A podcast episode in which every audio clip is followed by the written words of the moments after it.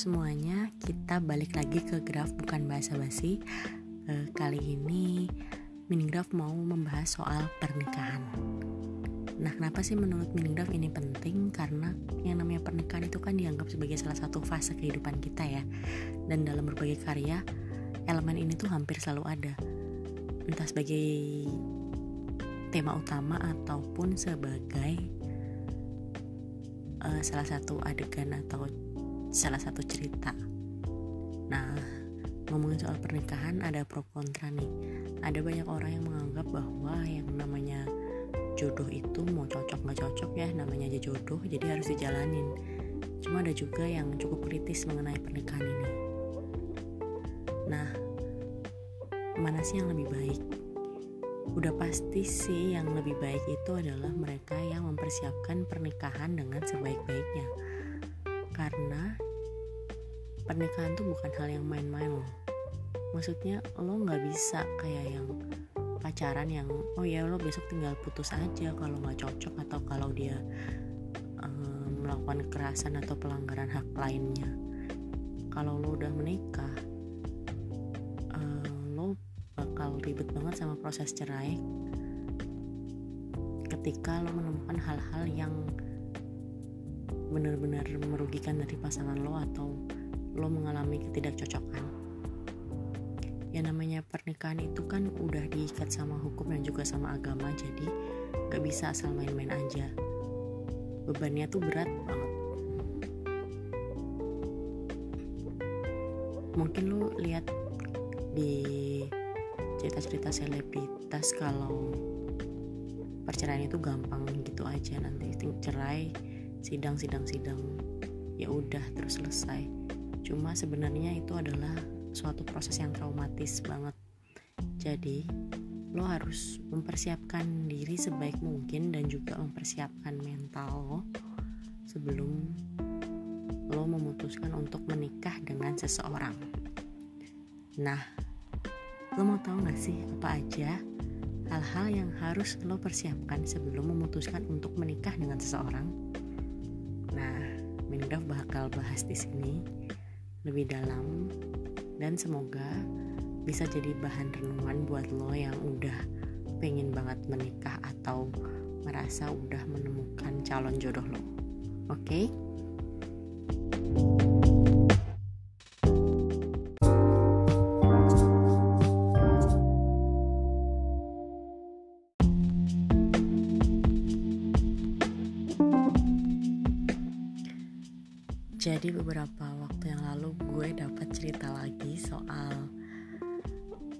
Masalah puber kedua.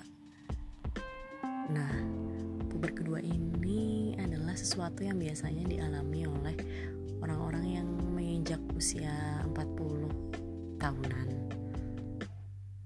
E, kalau dikaitkan sama pernikahan sih, berkedua itu e, kadang bikin pernikahan jadi diambang kehancuran atau berada dalam kondisi kritis sih. Soalnya kebanyakan ya mereka yang mengalami puber kedua ini uh, merasa muda lagi dan merasa ada gejolak-gejolak baru yang bikin mereka merasa malas sama kehidupan pernikahan yang monoton. Nggak semuanya mengalami hal ini sih cuma uh, ada banyak orang yang mengalaminya. Salah satunya adalah uh, seseorang yang diceritain ke gue Nah, jadi orang ini itu dulunya waktu masih muda sama istrinya itu dijodohin.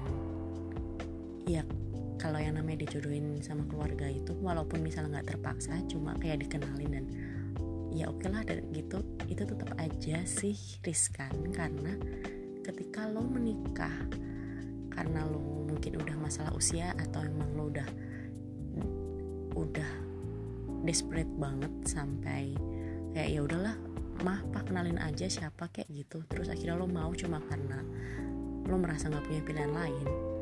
Itu pada suatu saat bakal bikin lo mempertanyakan jalan yang lo ambil. Kadang lo akan pengen memutar balik waktu dan berpikir kenapa ya gue kok nggak berada dalam keadaan kayak gini dari zaman dulu? Kenapa ya gue harus milih dia? Kenapa sih harus keburu-buru gitu. Jadi ini juga penting untuk lo perhatiin. Uh, yang pertama adalah lo harus mempersiapkan hati pikiran lo. Maksudnya ya uh, secara konotasi hati lo lah ya. Buat orang itu lo bener-bener membutuhkan dia nggak sih? Lo bener-bener sayang nggak sih? Bener-bener maksudnya cinta gitu nggak sih kalau lo memang pengen sama dia cuma karena nggak ada pilihan lain atau lo terpaksa karena ya udah umur gue harus menikah dan adanya cuma dia yang mau sama gue cuma dia mendingan lo pikir ulang deh. Oke gue setuju kalau cinta itu harus atau bisa ditumbuhkan seiring dengan berjalannya waktu itu memang bisa cuma kalau lo nya sendiri labil dan orangnya kurang bisa berkomitmen ya pada suatu saat hal itu bakal jadi bumerang buat lo. Lo nggak akan bisa mengontrol rasa bosan lo terhadap seseorang yang dulunya nggak bener-bener lo cintai. Ya lo cuma suka-sukaan aja lah. Pada akhirnya nanti ketika lo udah berada dalam tahap uh, ketika lo bisa memilih mungkin lo lebih ganteng mungkin lo lebih cantik mungkin lo lebih kaya lebih sukses lebih punya banyak kenalan. Dan lo bisa mendapatkan orang dengan tipe yang lo banget atau mungkin bikin lo suka bikin adrenalin lo terpacu lo bener-bener bisa uh, selingkuh. Maksudnya bisa lo bener-bener bisa mengkhianati pernikahan itu. Kayak yang seseorang yang diceritain ke gue jadi dia merasa jenuh banget sama istrinya dan ya udah karena pernikahannya udah flat dia akhirnya selingkuh sama seorang perempuan yang umurnya bahkan bisa dibilang bedanya ada 20 tahun. Sebenarnya nggak masalah sih soal beda umur ini cuma kalau lo udah punya istri terus habis itu lo suka sama orang yang jauh lebih muda apalagi itu kan nggak etis apalagi lo bekerja di bidang yang sangat menjunjung tinggi norma dan etika. Masalah pernikahan aja diatur dan harus lapor. Itu kan jadi nggak lucu kan? Nah itulah makanya penting banget buat lo mempersiapkan hati lo. Apakah lo benar-benar tertarik sama orang itu? Apakah lo bisa sayang? Dan apakah lo bisa berkomitmen untuk belajar mencintai? Kalau lo nggak punya tiga-tiganya mendingan lo pikirin dulu lo siapin diri lo jangan pernah ngecewain anak orang. Terus yang kedua adalah masalah kekurangan. Nah ada banget nih orang yang kecintaan banget sama seseorang kalau istilah ngetrennya apa? Bucin ya budak cinta. Lo bener-bener cinta banget sampai lo berpikir kekurangannya apa aja bisa gue terima kalau suatu saat dia melakukan kesalahan gue akan rela kok. Gak masalah itu yang namanya cinta kan harus menerima apa adanya sumpah mitos itu salah banget dan sebaiknya gak lo praktekin. Karena apa? Gini orang itu punya toleransi yang berbeda-beda terhadap kekurangan orang lain. Nah ini contoh minigraf aja ya. Minigraf itu nggak suka sama cowok yang nggak setia. Tapi Minigraf masih bisa menolerir cowok yang jorok. Jadi ketika Minigraf menikah Minigraf gak akan mencari laki-laki yang mata keranjang yang hobi ngeliatin foto cewek seksi dan juga gampang ngefans sama orang berdasarkan fisiknya. Cuma ada temen Mingraf yang bisa menolerir hal tersebut dan gak bisa menolerir hal lainnya. Hal itu misalnya kayak cowoknya posesif dia gak bisa. Jadi beda-beda. Kalau kayak Mingraf sendiri, Mingraf akan memilih cowok yang gak punya kriteria tukang selingkuh. Mungkin kamu juga sama sama Mingraf mungkin kamu juga beda. Kenali kekurangan apa yang bisa kamu terima kenali mana yang enggak dan kalau pasangan kamu punya kekurangan yang memang gak bisa kamu terima gak usah dilanjutin sih sebaiknya. Uh, ya mungkin bisa kalau dia mau berubah tapi seberapa bisa sih yang namanya orang itu berubah ketika dia sudah dewasa dan sudah terlanjur bertahan dengan suatu kebiasaan dan sifat? Nggak semuanya bisa loh. Kayak ada temen mingraf yang uh, dulu udah janji katanya nggak bakalan lirik-lirik cewek lagi. Tapi nyatanya ketika nikah juga walaupun dia udah ini dia udah berusaha keras cuma dia masih ketakutan gimana ya duh. Kok kadang-kadang kalau lihat cewek cantik kok kayaknya agak ngerasa gimana merasa menyesal menikah. Tapi dia udah telanjur berkomitmen jadi harus gimana? Nah ini karena yang namanya sifat orang kadang sulit buat diubah. Jadi jangan terima orang apa adanya cocokin sama kemampuan lo. Terus juga nih yang gak kalah penting adalah yang nomor tiga.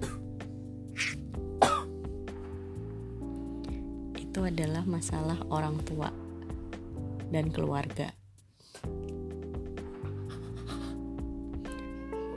Nah, masalah orang tua dan keluarga itu penting banget karena kalau di Indonesia ini kan yang namanya pernikahan menyatukan kedua belah pihak ya, pihak keluarga gitu.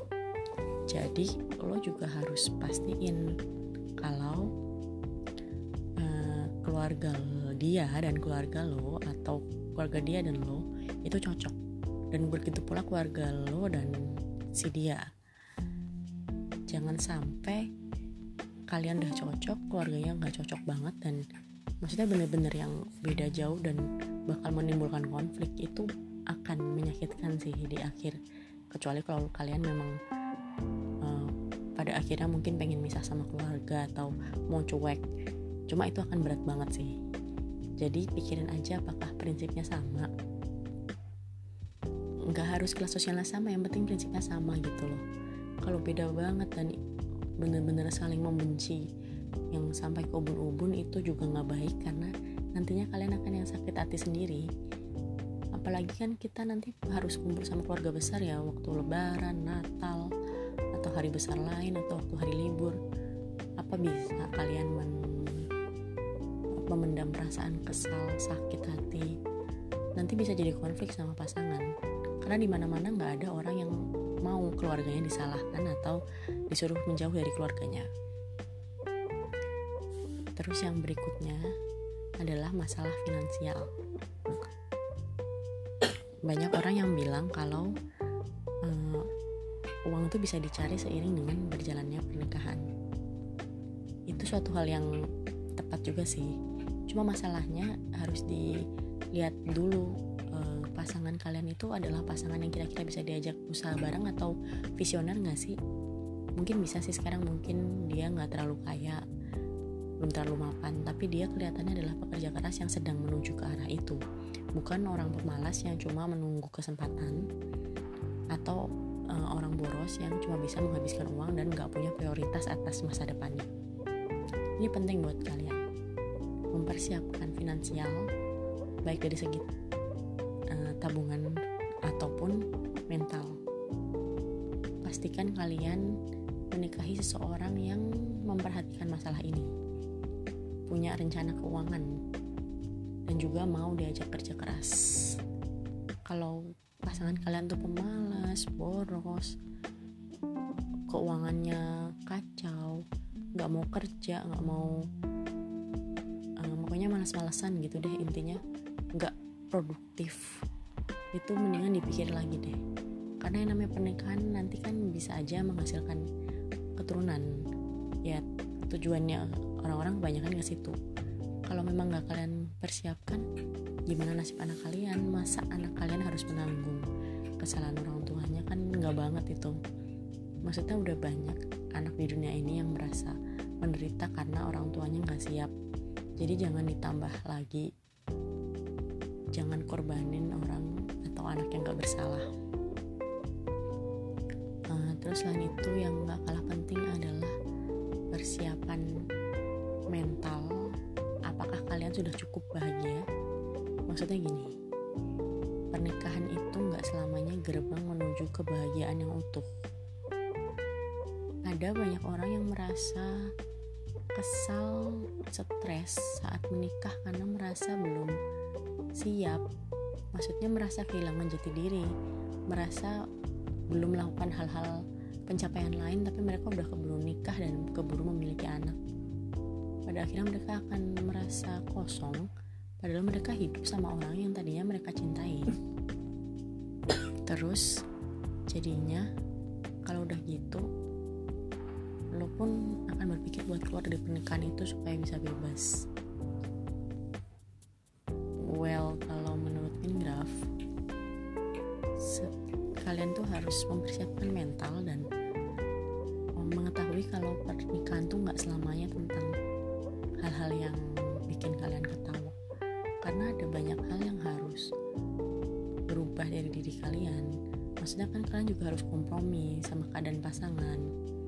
nggak selamanya misalnya kalian pengen liburan gini-gini terus bakal keturutan karena mungkin ada urusan finansial lain yang lebih penting atau pasangan gak punya waktu lagi kerja nggak bisa cuti. E, beda sama waktu masih lajang kan tentunya maksudnya sebenarnya waktu sebelum menikah kan pasangan dan kalian gak punya hak untuk saling mengatur satu sama lain. Atau harus berkompromi karena belum ada ikatan. Jadi pastiin kalian mempersiapkan mental untuk gak selam selamanya atau gak selalu senang-senang. Dan yang terakhir nih ya yang juga gak kalah penting. Kalian udah bisa ninggalin masa lalu atau belum nih? Khusus buat yang punya mantan. Ada banyak banget orang yang akhirnya nikah sama mereka yang gak bener-bener mereka cintai. Mereka tuh masih cinta sama mantannya jadi Mingraf mau cerita lagi nih ya soal seorang kenalan yang jadi waktu itu dia ketahuan masih email-emailan. Sumpah nggak ngerti kenapa kok bisa email ya maksudnya ada WhatsApp gitu. Oke balik lagi. Dia masih email-emailan sama mantan yang dia sayangi banget di zaman dulu waktu di masa lalu. Tapi nggak bisa bersatu karena beda agama. Nah ketahuan sama istrinya nih. Terus istrinya marah nangis-nangis. Pada waktu itu istrinya lagi hamil. Dan entah mengapa kenalan Mingraf ini malah justru bilang kalau dia sebenarnya cintanya sama perempuan ini tapi nggak bisa diterusin karena beda agama karena keadaan. Nah kayak gini nih kan bikin pasangan kalian sakit hati pastinya dan bikin kalian sakit juga. Ini bukan cuma kasihan ke pasangan yang ternyata nggak benar-benar dicintai loh tapi kasihan ke kalian juga. Maksudnya kayak kalian hidup satu atap kalian tiap hari hampir tiap hari ketemu sama orang yang gak benar-benar kalian cintai. Maksudnya kalian masih suka bayangin orang lain gitu masih suka mikir mantan aku sekarang kabarnya gimana ya? Oh iya kemarin mantan aku baru nikah sama orang yang kok lebih baik daripada aku ya. Jadi ingat dulu kenapa sih nggak diperjuangin aja. Kenapa sih ada banyak hal yang berlalu padahal kita ingin setengah mati gitu. Terus kalian kepo pasangannya mantan sakit hati nyanyi lagunya Adera nyanyi lagunya Kahitna. Nangis deh. Padahal kalian udah punya pasangan gitu. Itu kan sesuatu yang menyakitkan buat kita juga kan. Maksudnya terbayang-bayang sesuatu yang gak akan pernah bisa kita miliki jadi pastiin urusan masa lalu kalian udah selesai. Maksudnya jangan keburu-buru nikah kalau memang belum bisa menyelesaikan perasaan sama orang lain. Ya mungkin kalian bisa bilang min gue kan nggak bisa bersatu sama mantan gue jadi ya udah perasaan gue gue simpen aja. Mas apa gue harus perjuangin mantan gue kalau memang nggak bisa nikah? Katanya kalau keluarga yang beda prinsip nggak boleh. Iya benar maksudnya kalian itu nggak harus terus ngejar mantan dan uh, kayak apa memohon-mohon sama dia buat balikan nggak harus gitu. Kalau keadaannya nggak bisa mau gimana lagi ya kan? Cuma kalian harus menata perasaan dan menerima melakukan penerimaan bahwa mantan kalian itu nggak bisa kalian miliki lagi. Dan kalian juga harus siap untuk menghapus nama-nama mantan menghapus semua hal terkait mantan kenangannya pacaran bertahun-tahun tiket bioskop yang pernah kalian beli lagu yang kalian dengerin bareng itu harus dihapus sebelum kalian menerima orang baru dan melangkah ke jenjang pernikahan. Kalau perlu blok aja semuanya. Soal mantan gak usah temenan lagi kalau memang gak kuat gitu loh. Buat apa sih? Maksudnya bikin hati kita sakit, gak usah lah pikirin omongan orang.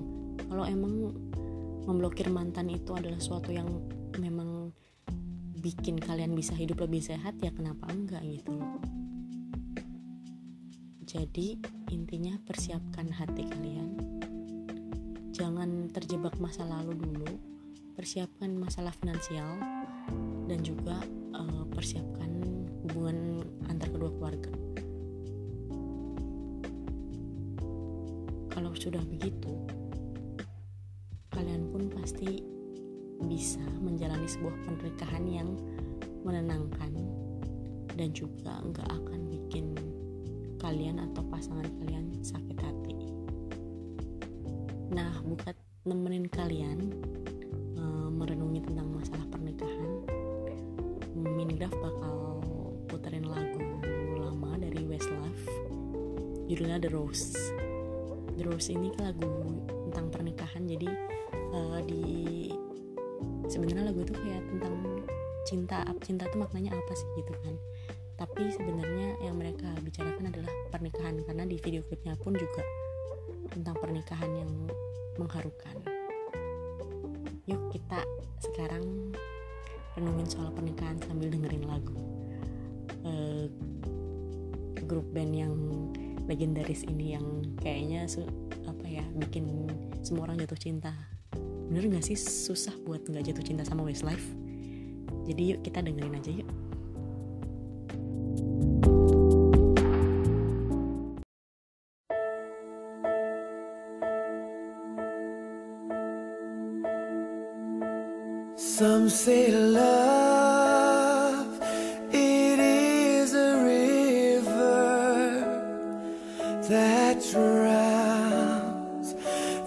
the tender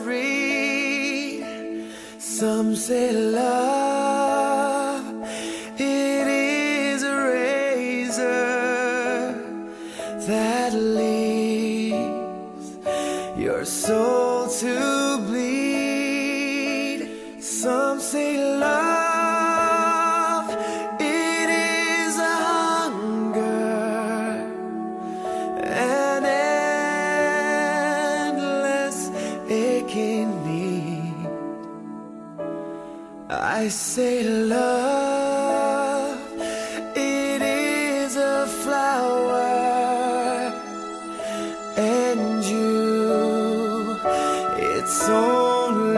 seed. It's the heart afraid of breaking that never